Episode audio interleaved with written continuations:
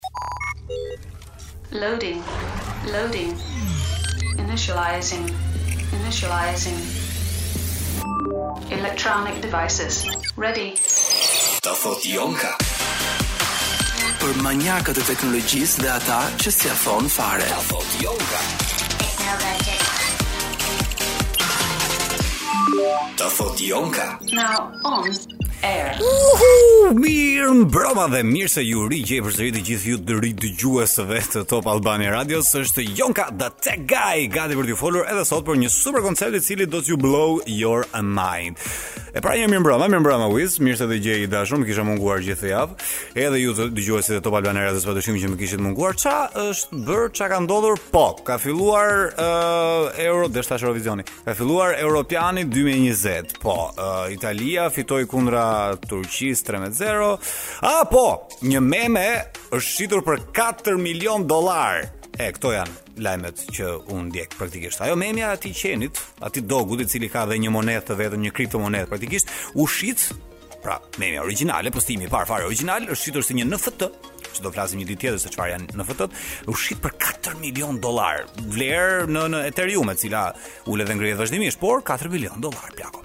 Atëherë, sot nuk do flasim për kriptomonedhën, do flasim një ditë tjetër për të, as për për për memet, por do flasim për një një një koncept i cili nuk është më koncept, por është një një real life something. Është diçka tashmë e vërtetë e cila është një nga treguesit më të mirë se si jeta jon po ndryshon dhe ne s'e kemi kuptuar akoma. Pra, e kam fjalën për modelet digjitale. Çfarë janë modelet digjitale? Do e zbuloni tamam tamam më shumë në detaj në në në në në, në minutat në vazhdim, por praktikisht është një modele e krijuar nga një visual designer, nga një njeri i cili thjesht ka një laptop përpara, një kompjuter dhe e krijon aty nga hiçi, një model 3D, të cilin kompani të famshme, Gucci, Versace, të gjitha ato kompani të mëdha të cilat tradicionalisht kanë marrë uh, Naomi Campbell, po them unë kështu, uh, marrin këto veshjet e tyre, ia japin këtij bir të botës dhe bëjnë që ky bir i botës të uh, paraqesë pastaj tek Instagrami i saj personal, kjo modele vetë. Po po, nuk ka më nevojë as për modele, sepse gjithçka është software tashmë, çmenduri.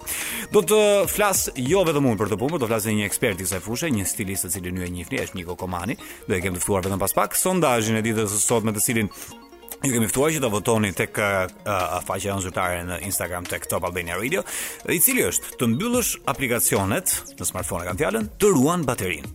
Se sa mit apo se sa e vërtetë është kjo? Do e zbuloni pak më vonë, ndërsa tek kategoria iOS versus Android flasim për uh, Apple-in i cili supozohet që nuk merr viruse. Merr, merr viruse që ç'ke me të, po se si ndodh e çfarë ndodh e, ç'është kjo? Enigmë kaq e madhe do e merrni vesh gjatë kohës që do dëgjoni ça thotë Jonka, por first of all, le të dëgjojmë muzikë e pastaj i hyjmë të thellave. Ë uh, jo, nuk do vësh atë Mani. Kuizi?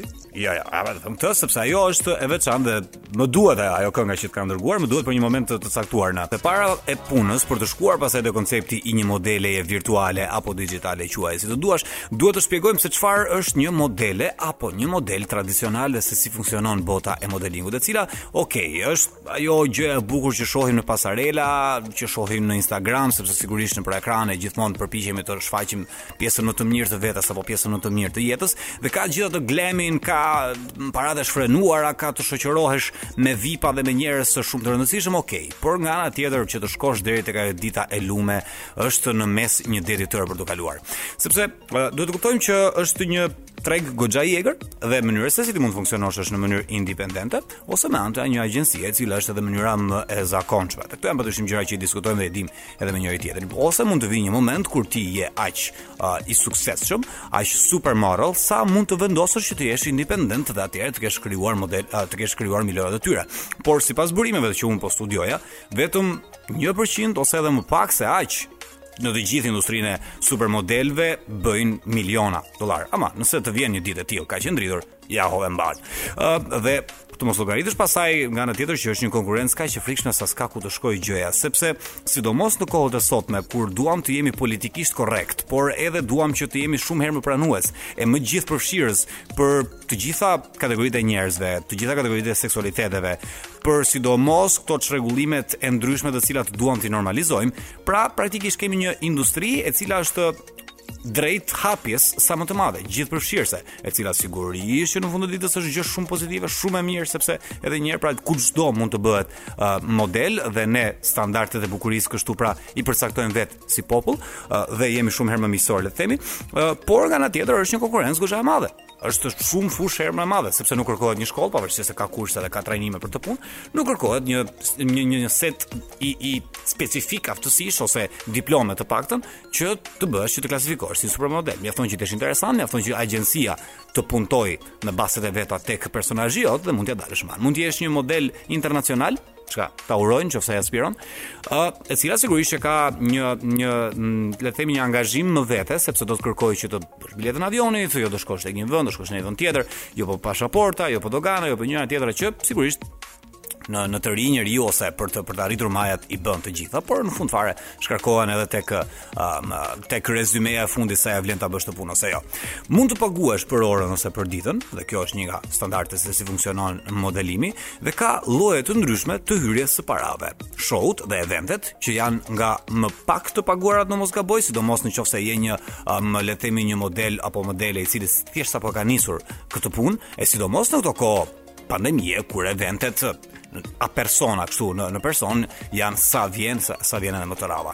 Janë setet fotografike të cilat padyshim që janë një uh, hyrje goxha e mirë sipas uh, burimeve që po studioja, uh, sidomos kur uh, kontraktohesh nga kompani të cilat realisht të janë të interesuar drejt imazhit tënd dhe të paguajnë ty edhe goxha në këtë aspekt në rast se duan ta përdorin imazhin tënd.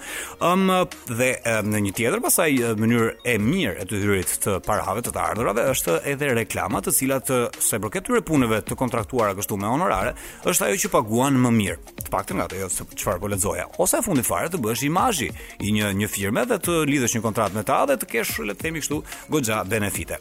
Hierarkia nga ana tjetër sigurisht që funksionon dhe kjo sigurisht që është pozitive, duke qenë se rritesh me kalimin e kohës dhe me rritjen tënde edhe nga ana profesionale rriten sigurisht të ardhurat pastaj ngelet për t'u parë se sa realisht mund të krijosh një karrierë nga të në në në këtë lloj fushe por nga ana tjetër është një vështirësi pune kaq e madhe, që nga sesionet e make-upit, që nga oraret e autobusave, trenave, aeroporteve që kanë për të kapur e shumë gjëra të tjera. A dhe një gjë tjetër. Burrat, meshkujt, paguhen shumë më pak në fushën e modelingut. Ë? Talk about gender gap, ë? Sa po bëjmë shaka. E kishim pra me modelet virtuale. Okej. Okay. Që edhe ti që po më dëgjon aty mbrapa ta kesh një ide më të qartë se për çfarë po flasim, padyshim do të ishte më mirë që të kishit një ekran përpara dhe t'jua ilustroja gjithçka, por meqenëse jemi në magjinë e bukur të radios, le t'i imagjinojmë pak gjërat ose nëse ke një smartphone në avicinancat e tua, jo ti që po i jep makinës, ti tjetri, pasagjeri, shkruaj shudu pikë gram, sh u d u pikë g r a m, shudu gram. Dhe ky është profili i modeles më të kuotuar, modeles virtuale, pra më të kuotuar. Po të futesh tek profili i Shudu Gram, do të shohësh që ajo është një vajzë me tipare afrikane, shumë e bukur, ekstremisht shumë e bukur, gati gati perfekte dhe gati gati jo reale dhe po është jo reale sepse ajo është një nga modelet virtuale më të cituara Dhe në mos gabofsha është edhe modelja virtuale e parë që është prezantuar si koncept në 2016 apo në 2017. Dhe po, vajza ka bashkëpunime në këtë profil të vetin në Instagram ku nisi e gjithë jeta e saj le të themi, ka bashkëpunime me revista si Vogue, Life e shumë gjëra të tjera.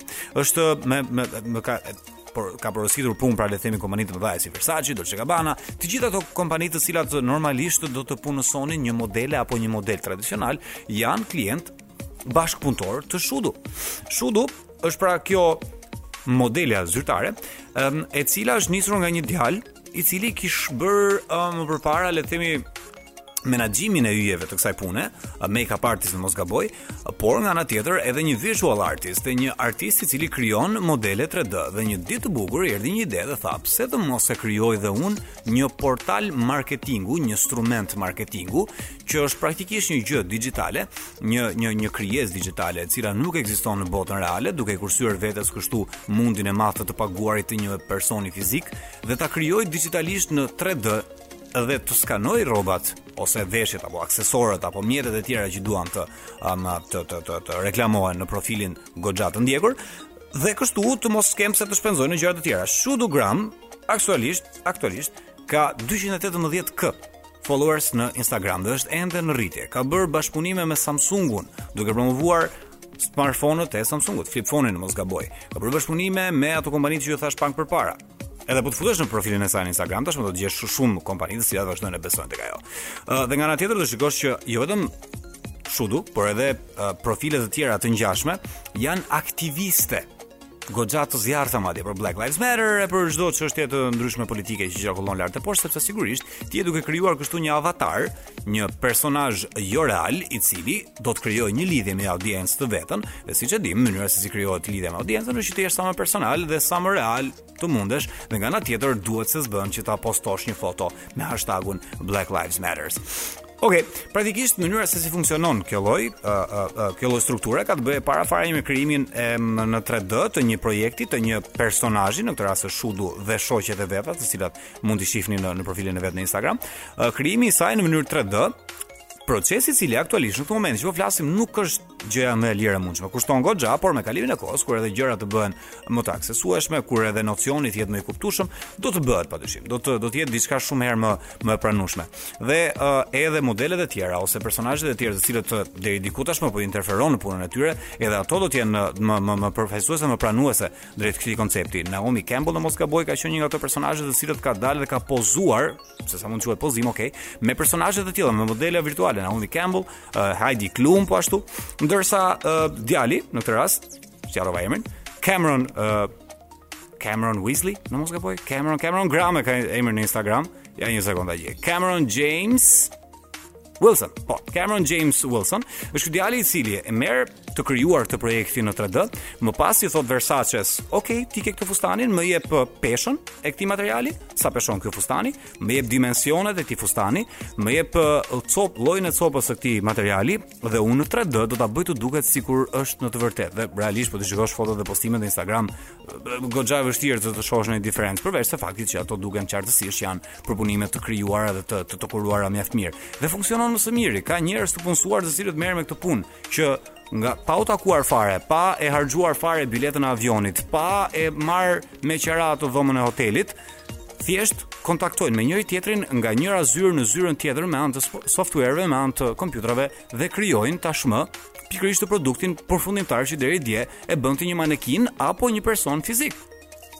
Po, i thamë Naomi Campbell dhe Heidi Klumin, dhe nga ana tjetër, uh, ideja është që tashmë, duke qenë se duke përdorur thjesht algoritme dhe thjesht programet, gjithçka është shumë herë më e thjeshtë, dhe nuk ke fare nevojë ti që të merresh me, me, me, me, me personazhe, siç është një model tradicional për në të rast.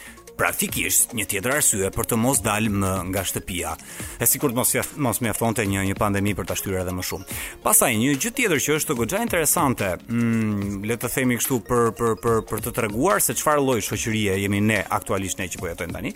Uh, ka të bëjë me faktin se këto lloj modelesh sigurisht që duhet të gjenerojnë vëmendje, sigurisht që duhet që të jenë sa më të kuruara, sa më të bukura, sa më interesante, sa më të suksesshme, por duhet të jenë edhe sa më konform me audiencën. Çfarë tregon se çfarë ne shohim të projektuar te këto lloj imazhesh virtuale tregon për ne se çfarë gjenerate jemi dhe çfarë realisht preferojmë. Pra na pëlqejnë më shumë aziatikët, na pëlqejnë pëlqen më shumë afrikanët, na pëlqejnë këto, na pëlqejnë ato. E të mendosh o Wizi që qaheshin për Photoshopin. Hajde, mendje, hajde. Shudu Gram ishte ai profili që duhet të vizitonit pak më përpara për t'u informuar për praktikisht se çfarë është një modele virtuale. Nga ana tjetër është një tjetër profil shumë shumë shumë interesant, të cilën ua sugjeroj goxha që ta ndiqni. Mua më ka dalë përpara nja një viti suggested nëpër nëpër Instagramin tim edhe Më dukej cringe si ide, por ja kur erdhi dita që ta studioja këtë punë, sepse realisht më intereson ta di dhe mua se si dreqin po ndryshon jeta, të paktën ashtu siç e kemi menduar deri dje. Lil Miquela është një tjetër profil që duhet ta ndiqni se s'bën në Instagram, edhe një Lil Miquela Miquela, by the way, sepse është një latino-amerikane, e cila është 19 vjeç, dhe 19 vjeç ka për të qëndruar gjithmonë braziliano-spanjolle sa i përket tipareve dhe ka 3 milion ndjekës dhe madje madje ka dhe muzikë të vetën të klikuar dhe me goxha ndjekës në në kanalin e vet zyrtar në në YouTube, sepse po është krejtësisht normale. Ky është një le të themi një një lloj instrumenti ose një lloj uh, veçorie e njohur goxha në botën e muzikës. Gorillaz për shembull janë një shembull i mirë i kësaj pune ku artistët zgjedhin që të shesin artin e tyre, të shesin uh, vokalin e tyre, të shesin muzikën e tyre, dhe sa i përket imazhit të tyre nuk vënë fytyrat e tyre, por fshihen pas disa karaktereve të animuara. Ama ka një diferencë. Gorillaz Ekzistojnë vetëm te kënga, nuk ekzistojnë jashtë këngës. Nuk shkojnë të bëjnë takime me fansat e nuk kanë kanale të tyre zyrtare ku të bëjnë vlogging. Atëherë po flasim për Lil Mikelën, e cila është imazh i Calvin Klein dhe i Pradës. E bija botës, që është thjesht një modele virtuale, që është një program i animuar, një një një algoritëm praktikisht. Dhe ka nisur me sa duket si një profil në Instagram, nga krijuesi vet paska qenë një djalë i quajtur DJ Skit Skit, i cili ka bërë bashkëpunime goxha të njohura. Nëse do i futeshim uh, playlistës së së së, së muzikës dhe muzikantëve me të cilët ai ka bashkëpunuar, do të shihnim aty emra si David Guetta, si Justin Bieber, si shumë personazhe të tjerë. Por nga ana tjetër DJ Skit ka qenë edhe një menaxhues yjesh, me sa duket, dhe e paska kuptuar i biri botës se çfarë është në thelb të thelbit një personazh, një celebrity. Padyshim që është thjesht një imazh, një personazh të krijuar. Okej, okay, nisi si një profil në Instagram, uh, me qëllim pra për të për të krijuar një një një një instrument marketingu për të reklamuar produkte të ndryshme me anë të një personazhi jo të vërtetë dhe për të pasur kështu një të ardhur, të dhëna një një një një le të themi burim të të ardhurash, por gjëja u shkoi edhe përtej kësaj, duke qenë se Mikela me sa duket si personazh u përqafua goxha nga fansat e saj. Tashmë ajo ka zërin e vet.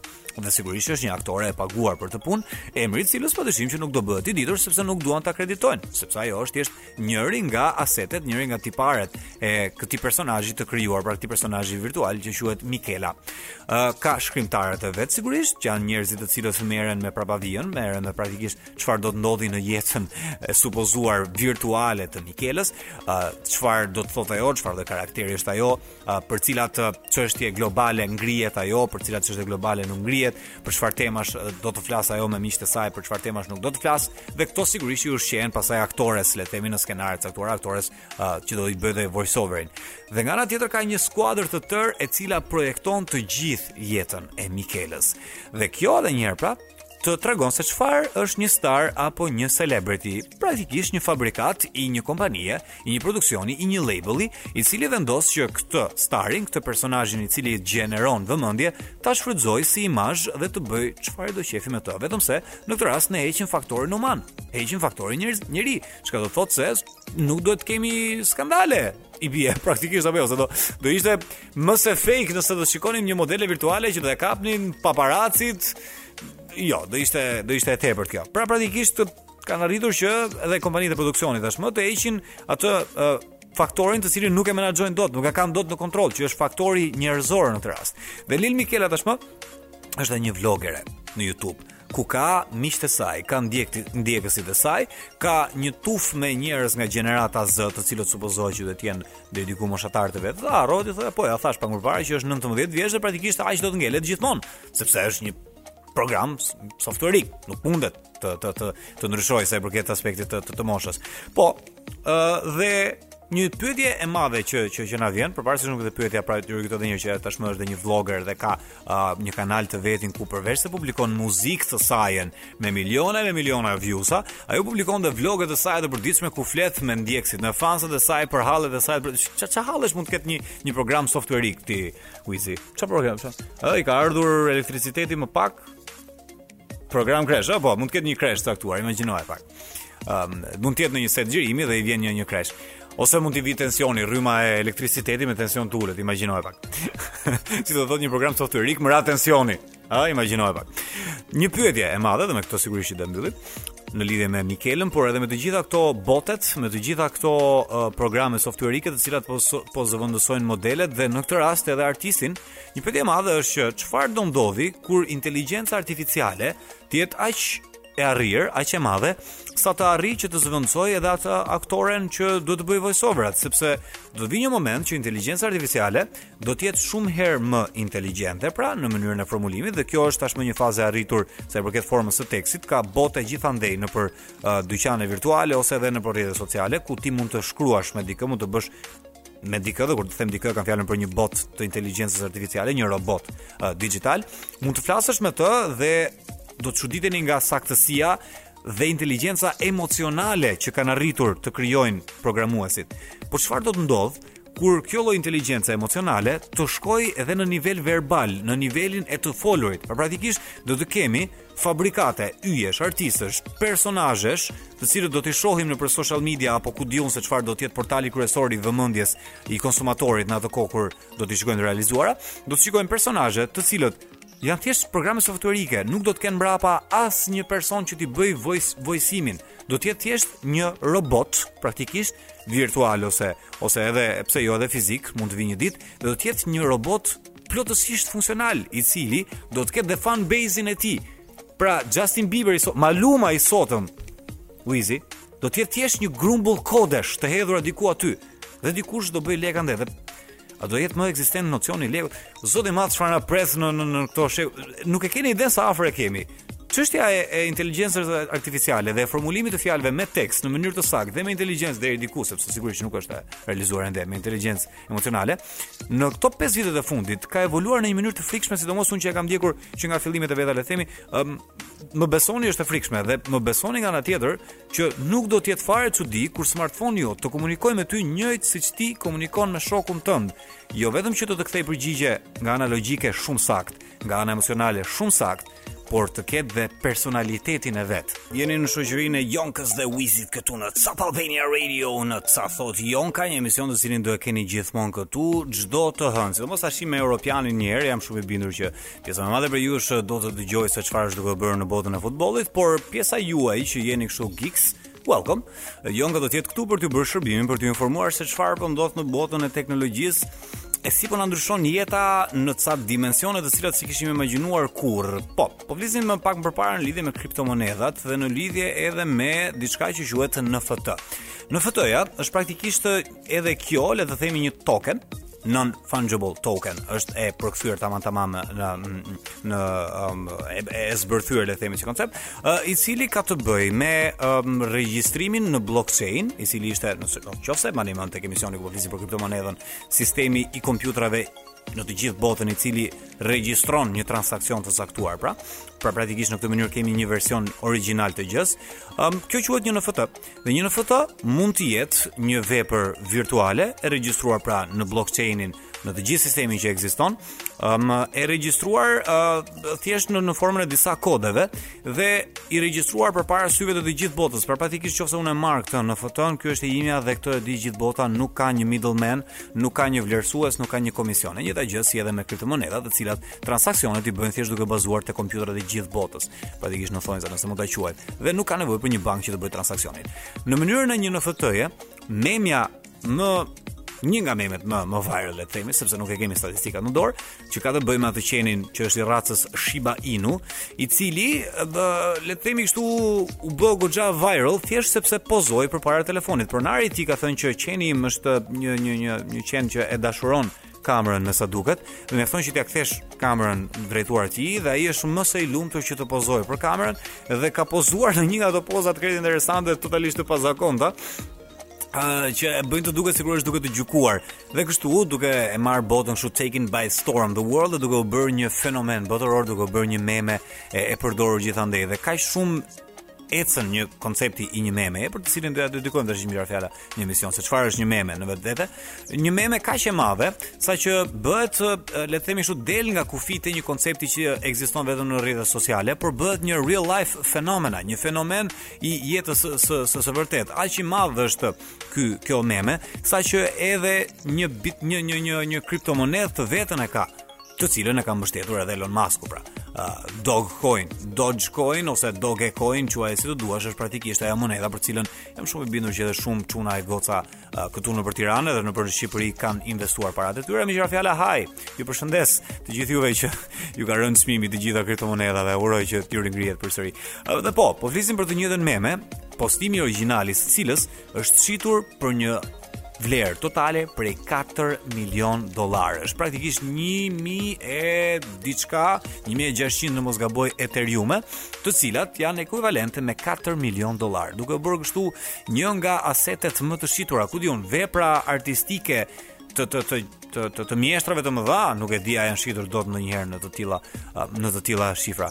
Dhe po, po jetojmë në një botë të çmendur ku virtualja po merr botën njerëz të dashur. Dhe për modelet virtuale flasim sot. Le të ecim përpara. Sot flasim për modelet virtuale, për të bërë një përmbledhje për të gjithë ju që u bashkuat tani e para një herë mirë se erdhët uh, dhe bujrum. Uh, flasim sot për modelet virtuale, praktikisht këto modelet në 3D, qofshin modele, qofshin model, po me praktikisht në këtë moment nuk mund të flasim dot për gjini sepse asnjë prej tyre nuk ka seks, ose është një program virtual që ekziston. në social media. Do të flasim për modelet apo modelet uh, virtual, të cilat janë duke zëvendësuar modelet real, thjesht për shkak të një krijimi në 3D dhe janë kompani super gjigande të cilat janë duke bashkëpunuar me ta dhe janë duke u dhënë, duke u komisionuar punë kështu pra. Si Prada, Versace, Dolce Gabbana, uh, Vogue e shumë revista të tjera të cilat janë duke i shfaqur këto personazhe duke i shfaqur në kopertinat e tyre. Dhe praktikisht janë një gjë reale, pavarësisht se nuk janë duke krijuar ende fitimet që do të duhet të fitonin, pra që do të duhet të krijonin nëse do ishin në rangun e modelëve në jetën reale, sepse edhe një herë, ok, është diçka shumë interesante, shumë inovative, shumë e bukur, do ta ndryshojë botën plotësisht nga mënyra se si e njohim sot, por aktualisht në momentin që po flasim është një procedurë goxha e shtrenjtë, e cila për paradoksin më të madh në botë, Wizi, edhe ajo Shudu Grami, në mënyrë që ai dizajneri t'i krijojë ato modelet në 3D, ka nevojë që t'i fotografojë një herë njerëzit e vërtetë dhe më pas t'i marrë relievet e fytyrës së këtyre modeleve të vërteta dhe pastaj t'i aplikojë aty. Sepse sigurisht janë sisteme të cilat ende nuk janë të avancuara aq sa është duhet. Kështu që për këtë gjë dhe më në detaje dhe se si ndjehen njerëzit të cilët punojnë në këtë punë përditë, do ta zhvillojmë pas pak së bashku me Niko Komanin. Kështu që stay there. Te koncepti të të të fashionit digital tashmë, por sigurisht që si gjithmonë duhet dhe uh, mendimi i një eksperti të fushës për t'ua shpjeguar tamam tamam se ç'është gjëja dhe kush më mirë se sa një njeri hot stuff dhe po aq lunatik sa unë, uh, të cilin kam po bëhen goxha kohë që, që sa sa u bëm? Sa u bëm? Niko? Që njihemi. Ha. Që te in të vëja. Që te in të vëja. 2015 në mos gaboj. Po u bën po. tani sa bëjnë më? 6 vite. Bravo. Matematikë. Niko nice. Komani ora ma me po ku je? Hello. Ku je? Jo greqisht. Jo, mirë, dakor. Se kemi këtu inside joke-un ton. Çfarë? Si të kam? Bëno filja. Mirë, mirë, mirë, mirë. Ë, uh, ke pasur dhe ditëlindjen? Faleminderit. Edhe njëqind. Faleminderit. Më bësh sa nuk e di domethën. Mos dhe dhe një gjë të rëndësishme, mos na mos u largo nga Shqipëria se na duhesh. Na duhen njerëz. Po mendoja faktikisht. Çfarë ndodh? Në, në, ku do shkosh ti? Hajde. Ku do gjesh më keq? Hajde këtu. Dhe edhe 100 të Hermesit. Shumë faleminderit. Jemi shumë binjak dhe gëzohem shumë që unë i dua binjakët se po janë jemi kështu crazy. Crazy hey, Niko, ë uh, sigurisht që ata që të njohin e dinë shumë mirë se me ç'merresh ti, edhe të shohin që je tamam in edhe në temën e, e, e që diskutojmë edhe sot, në lidhje edhe me këtë modelimin virtual, mm -hmm. nëse mund ta quajmë, mm -hmm. që mhm. tashmë duket se ka zëvendësuar sidomos në kohë pandemie ka zëvendësuar pasarelat e gjithçka tjetër. Ëm, um, si do e si do e si do e quaje ti uh, fashionin dhe fashion modelin në vetvete? Si ka evoluar në që që në momentin e parë kur ti je ndeshur me të ose që në momentet e para kur filloi të konceptohej se ç'ishte fashion modeli deri në sot në 2021-shin pa hyrë për virtual modelin, se do flasim edhe më gjerë për të. Por e... fashion modeli sot siç e ndjek ti, sa ka evoluar në këto kohë të fundit? Ka evoluar shumë duke qenë se e, kur e kam nisur unë karrierën si e, fashion editor, pra mm -hmm. merresha vetëm me editoriale mode, kopertina, gjëra. Ehm, kanë qenë modelet reale normalisht, mhm. kanë qenë modele dhe duhet kishe disa ehm pika kyçe që ti të punoje, pra duhet ishe e gjatë, duhet ishe e dobët, duhet ishe e paraqitshme, duhet mhm. ishe e edukuar, duhet ishe e pastër. Ëh, se si ka evoluar është që ehm, është tani kushdo mund të bëhet model thjesht nga Instagrami i vet. Mm. mund të dërgojë një CV, duke patur Instagramin e vet si një CV të pastër, mund mhm. të dërgojë Instagramin e tij me një email në kompani të ndryshme dhe është mënyra më e lehtë për të bërë connection me si si portofol funksional tashmë. Absolutisht. Instagrami. Absolutisht. Madje dhe unë um, si stilist kam dhe punët e mia si influencer aty, pra është mm -hmm. një mhm. CV për klientët e mi. Kushdo Instagramin në ditët e sotshme duhet ta përdorë si CV, mm -hmm. pra mhm. duhet uh, ta ketë si një portofolio uh, digital. Mhm. Mm dhe tani po thonim që um, Modele mund mund të gjesh këdo janë motrat Kardashian, kupton kanë arritur deri disa personazhe nga reality show të bëhen modele dhe të mhm. bëhet mm -hmm. siç lexova një listë para dy ditësh, mm -hmm. Kendall Jenner ishte modelja më e paguar e 2020-s, pra kishte wow. bërë 30 milion dollarë. Po, çfarë bën Kendall Jenner që është më e paguara? Vëmendja që ajo gjeneron se s'besoj ti. Vëmendja nga rrjetet sociale. Okay. Gjithçka vjen nga ajo që do flas. Normalisht, normalisht sot. Tematika por, jote. Dhe kjo çështja e, e bullimit dhe ajo që ti po përmendje pak më parë, gjithëpërfshirja. Shoh që sot kemi një tendencë që duam të jemi politically correct ose korrekt politikisht, ta themi shqip, ë dhe përfshim sa vjen e më shumë, edhe njerëz të cilët kanë disabilities, edhe njerëz të cilët kanë tipare të ndryshme, të cilat deri dje janë cilësuar, ta themi kështu, jo të bukur ose të po. shëmtuar. Sot shohim njerëz të tillë. Është për të vlerësuar. Jo, absolutisht po. Unë jam pro, super flasim për evolucionin. Më pëlqen shumë ky nuk do doja ta thoja trend, po është trend mhm. fatkeqësisht. Ë më pëlqen shumë ky trendi i ri në mhm. thonjza trend, ë të të paturit diversitet. Pra mhm. deri para 5 viteve nuk në akoma dhe në linja kozmetike nuk shikoje një njeri me ngjyrë pak më të errët se normalja, nuk shikoje njerëz nga njerëz koreanë, mm -hmm. se mhm. nuk më pëlqen t'i them kinezë. Ehm, um, aziatik po them. Aziatik, njerëz mbi peshë ose njerëz. Njerëz mbi peshë. Tani e, kompani të mëdha, për shembull, mos harrojmë që ndodhi debati e, me Adele dhe mm -hmm. e, rahmet pastë, Karl Lagerfeld kur i tha që ti nuk mund të bëhesh kurrë imazhi Chanel, sepse mm -hmm. je mhm. mbi peshë. Okej. Okay dhe uh, dhe Adela u bë pastaj imazh apo u bë, por e po bëri me inat. Absolutisht. Unë mendoj se e, normalisht që sado ajo u dobësua, normalisht e vran fjala. Dëgjo, flet me një ish-obez, që kështu që kam qenë dikur mbi peshë, që kështu ë është punë inati, por e, kur ajo u dobësua, filloi domethënë u, u bë gjithë kjo ndjesë, kërkoi ndjesë u, mm -hmm. u bë gjithë kjo ska, ky skandal le të themi në thonjza, mm -hmm. por në të vërtetë kam filluar e, shikoj edhe njerëz e, me disabilities, pra që janë mm -hmm. karrocë apo njerëz që nuk shikojnë apo um, njerëz në çdo tonalitet mm -hmm. që po involvohen dita-ditës edhe më shumë. Por edhe me edhe me diagnoza të ndryshme, me në thonjza deformime të ndryshme të cilat janë jashtë normales dhe po i shohim sa vjen e më shumë. Po, po, po, po. Që në fund të ditës është diçka krejtësisht pozitive dhe tregon edhe nga ana tjetër se çfarë gjenerate edhe më pranuese jemi ne po. nga ana tjetër. Pandemia aktualisht ka ndikuar për keq apo për mirë në botën e fashion modelit, sigurisht në Shqipëri, po edhe në në tërësi besoj. Fakti që s'ka më pasarela, fakti që eventet nuk zhvillohen, si ka ndikuar? Nuk mendoj se në Shqipëri ka qenë ndonjëherë uh, okay. kuptoj kjo pjesa para pandemisë që tani na vrau edhe e ndjem. Ëh, pra kjo jo. Ëh, mendoj se thjesht ekonomikisht ka mm -hmm. vrarë pjesën, sektorin e modës në Shqipëri. Ëh, mm -hmm. jashtë shtetit po, absolutisht, duke parë që njerëzit tani në pandemi janë të gjithë në shtëpi apo mm -hmm. daljet e tyre janë shumë të kufizuara, duke qenë se nuk ka evente, nuk ka mbrëmje gala të mëdha, nuk festohen gjëra, mm -hmm. akoma dhe shtëpitë e modës nuk kishin më ku të shisnin mhm. produktet e tyre. Mm -hmm. Në këtë mënyrë, nëse ke ke vënë re gjatë pandemisë këtu një vit, e, akoma dhe shtëpitë më të më të mëdha të modës si um, Dior, Alexander Wang mm -hmm. kanë nxjerrë uh, sportswear. Pra kanë gjetur mënyrën si të um, riprodhojnë para, pra si mhm. të uh, vazhdojnë të jenë në treg.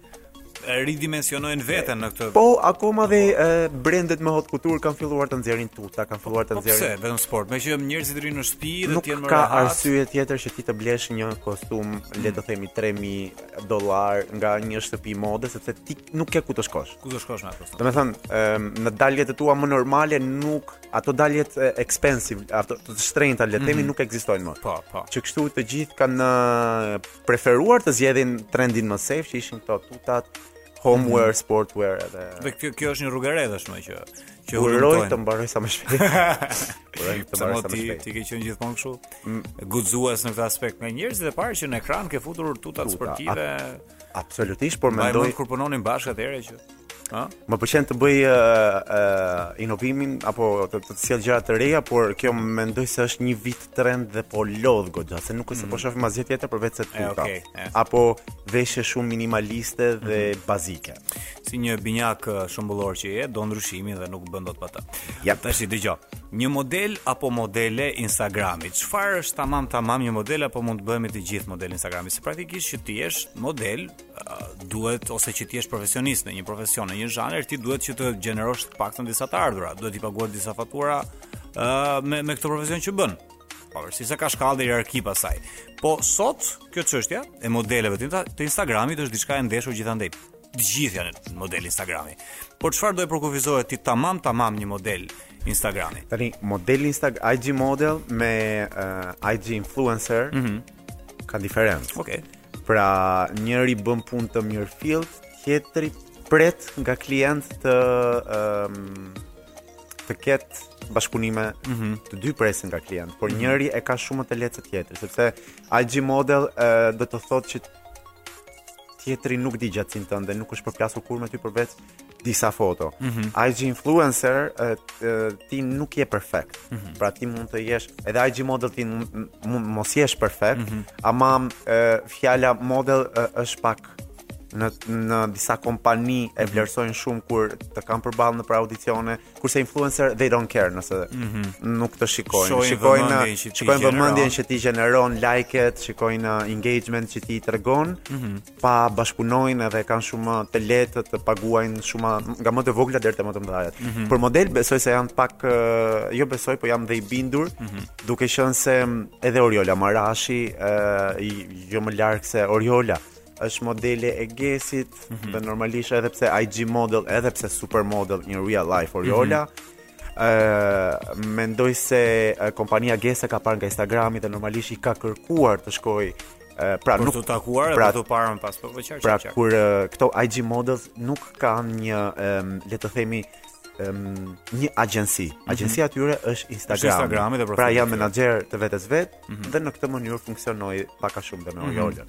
Dhe mund të të pyes si bëjnë parat modelet e Instagramit Pra, mm. gjithmonë me me këto kompani të cilat shumë mendoj unë. okay, përtej asaj. Ë, mendoj po me me bashkëpunime, me veshje apo me disa reels e, që së fundmi kanë dalë, është trendi më i ri po. në Instagram dhe në të vërtetë njerëzit aty gjenerojnë shumë like, mm -hmm. um, uh, followers edhe para, duke qenë se nëse mm -hmm. bën bashkëpunime, është mënyra më e lehtë për të bërë një si mini uh, campaign, mini reklamë të vogël mm -hmm. deri 30 sekonda mm -hmm. për Instagram. Po po, fare përmbledhur le të themi. Plus edhe Instagrami ka këtë interesin e vet që t'i shtyjë goxha Reels-at, edhe algoritmet e veta funksionojnë kështu tashmë që i ka kryesore. Ti ndoshta postimin e dikujt s'e shikon, por Reels-in do shikosh se s'bën se ka interes Instagrami deri. Ëm um, në Shqipëri pastaj jetojnë dot njerëzit me me modeling, me Instagram modeling, me virtual modeling. Në Shqipëri janë të gjithë blogerë. Do doja shumë të shifja një IG model. Uh, kam parë. Çfarë bën diferencën? Çfarë bën diferencën nga një bloger dhe nga një nga një model? Model model i mirëfillt, le të themi.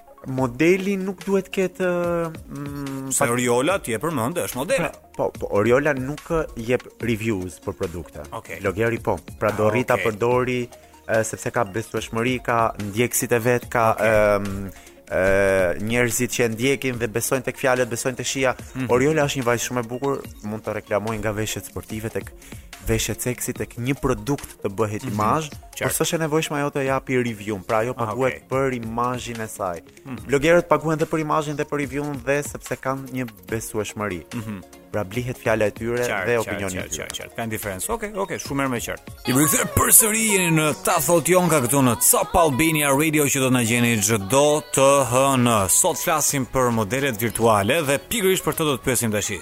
Niko, ke dëgjuar për digital modeling për modele të cilat nuk ekzistojnë në jetën reale, janë thjesht një program 3D I cili tashmë mua më duket sikur po zëvendëson një modele reale. Ke dëgjuar ndonjëherë për këtë konceptin? Ë, uh, tani do të bëj të zgjuarin apo? Si do ti, o burrë? Jo. Atëherë, më dërgove ti dje dhe u infor, faktikisht po, kam parë, kam qenë informuar, më pëlqen shumë e visual art, ndjek pafund artistë në Instagramin tim dhe preferoj të ndjek këto dhe jo disa njerëz që njohim në përditshmërinë. Që kështu mos më pyesni, më bëj follow back. No, preferoj të ndjek këto njerëz dhe të hap trutë e kokës dhe të inspirohem sepse në të vërtetë arti vizual është shumë inspirues për stilistët e për më tepër artistët. Ëm mm -hmm. e, jam hasur, mm -hmm. nuk kam qenë tepër kurioz t'i hyj më thellë, mm -hmm. dje i hyra më thellë kur mm -hmm. mora dhe ftesën tënde, aty u përballa me modelen e parë digjitale. Mm -hmm. E, dhe aty kuptova që kisha parë, po kam parë dhe të tjera. Mhm. Mm Kesh nuk i isha, siç thashë nuk i isha futur thellë të mësoj what the hell is that? Çfarë janë, dhe nuk po e kuptoja, por diçka shumë e bukur vizualisht. Mm -hmm. E pashë, mm -hmm. më pëlqeu ë në atë moment e kisha mix feeling, mm -hmm. të them të vërtetën se direkt më shkoi mendja te modelet paskan një datë skadence pra. Një që një, kanë që, po, si një, ato salcat e domates. Domethënë po, që myken arrijnë myken në një farë momenti dhe jo nga mosha, por mhm. thjesht nga teknologjia. Kur e mendon të gjithë e kemi nga një datë skadence, se që kur po vënë makinat automatike dhe po heqin shoferët, Imagjinoje, që kur po përdorin këtë lloj software-i për të bërë modelet, imagjinoje, nesër në një moment të dytë, të Aha. tretë, të katërt, Aha. do zëvendësojnë aktorët. E pra, do ngelim pa punë Niko. Po stilist. të gjithë mos stilist veza. Po dëgjo, se stilistët ti e di që kanë dizajnuar një makinë, një super makinë për 1.2 milion eurosh, vetëm me inteligjencë artificiale. mm. i thanë robotit, na dizajno, dizajno, dizajno, vizato, skico një, uh -huh. një projekt dhe ka bërë një jam, super jam tepër kurioz, një së njëshi. Jam tepër kurioz, sa ta sjellin në Shqipëri me këto klientet e mia këtu. Mi. e, është për do, do kërkojnë në të gjithë për ndërrim se do t'i ngeli në dorë. Por se të pyta që parë, në Shqipëri, si është për të, për të punuar në, në, në fushën e fashion modeling dhe kështu gjërash. Si është të jesh uh, një, një stilist në Shqipëri? në aspektin digital apo në aspektin Dushti. real?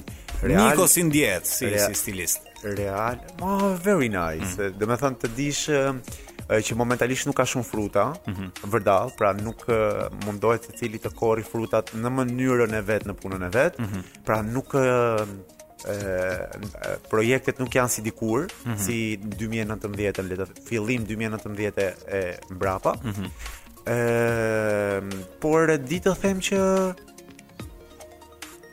nuk ekzist, domethënë gjithë këto makineri që po flasim tani po bëjmë mendoj se mm -hmm. ne të dy do bëhemi gjyshër dhe akoma nuk do kenë ardhur 100% yeah. të gjitha këto gjëra. Atë mendoj, mendoj edhe unë realisht. Mendoj që kështu mendoj që në këto kushte që kemi jemi akoma në hapa shumë mhm. fillestare. Mm -hmm. Ëh, se si ndihem si stilist, ndihem nice, mm -hmm. ndihem very nice. Mm -hmm. Domethënë mhm. i privilegjuar që Uh, kam um, disa epitete dhe jam në Shqipëri, pra po i, po i bëj këtu. Mm -hmm. Të të pëlqeu arti vizual që paraqisnin qoftë Shudu, qoftë më, më tej që pastaj ishe futur dhe për shi po edhe edhe gjëra po, të tjera. Po kishim Shudu, ishte pra modelja në fjalë, mm -hmm. më mhm. pëlqeu shumë se kishim bashkëpunime për kompani mm -hmm. reale, më lejohet të them disa emra. Po, po. Ë, Chanel apo mm -hmm. Fendi apo Nike. apo Samsung që janë kompani të mirëfillta, kompani të mëdha madje, madje gigante. Kur po shifja postimet e tyre ishin paid sponsored, pra mm -hmm. ishin me pagesë normale. Ëh mm -hmm. dhe sot po e diskutoja jo më larg me ë klienten time, mikeshën time Fatimën, mm -hmm. ishim në makinë kur po i tregoja këtë si ëh si gjë mm -hmm. që të informohej dhe i thashë, por më beso i thashë jam i bindur, jam i bindur që mund të marrin ë mbase jo njësoj, po një pagesë shumë të lartë për të bërë këtë reklamë, sepse mm -hmm. ai njeri krijon apo mm -hmm. stafi atë për kompaninë. Pra po, po është ë fitimprurëse goxha. Mhm. Mm yes. Por nga ana tjetër, një gjë që meqë po studioja, ka të bëjë dhe me faktin e kostove të larta, Niko. Sepse ky është sidoqoftë një produkt dixhital dhe një model 3D-je, i cili kërkon uh, kompjuterim goxha të madh dhe njerëz të cilët më paradoksi më i madh diku është mm -hmm. fakti që uh, ajo modelja Shudu, edhe pse është një projekt 3D, fillimisht duhet të fotografojnë modele reale. Po. Dhe pastaj këto informacione t'ia fidin, t'ia ushqejnë këtij sistemi që do e prodhojë këtë. Kuptoj. Kështu që prap, prap nuk është. Është kjo gjë që po them që ka ha? nuk është se do, nuk është se do na na kërcënojë dhe aq shumë ose do dojë goxha kohë derisa na kërcënojë. Aha. Kështu e mendon? Mend në Shqipëri po e po. Por uh, mendoj që nëse kanë arritur në këtë nivelin që the që ekziston një fashion designer makineri, mm -hmm. jo, nuk nuk do, nuk besoj se do shumë. Nuk do jetë shumë larg. Ja, ja. Megjithatë, ata janë sisteme që kushtojnë. Mos harrojmë, mos harrojmë që ekzistojnë në ë uh, goxha gjëra në Instagram, goxha artistë vizualë që mm -hmm. mendoj që punojnë pa modele dhe pa sepse tregojnë punën e tyre se si e kanë krijuar atë mm -hmm. postim, pra atë video apo atë foto apo atë gif që ato mm -hmm. kanë shpërndarë. Mm -hmm. Mendon ti se shqiptarët, klientët shqiptarë do e përqafonin diçka të tillë? Jo. jo. Shqiptarët flasin shumë dhe do duan dikë të komunikojnë. Do t'i ndrojnë 10 herë brenda ditës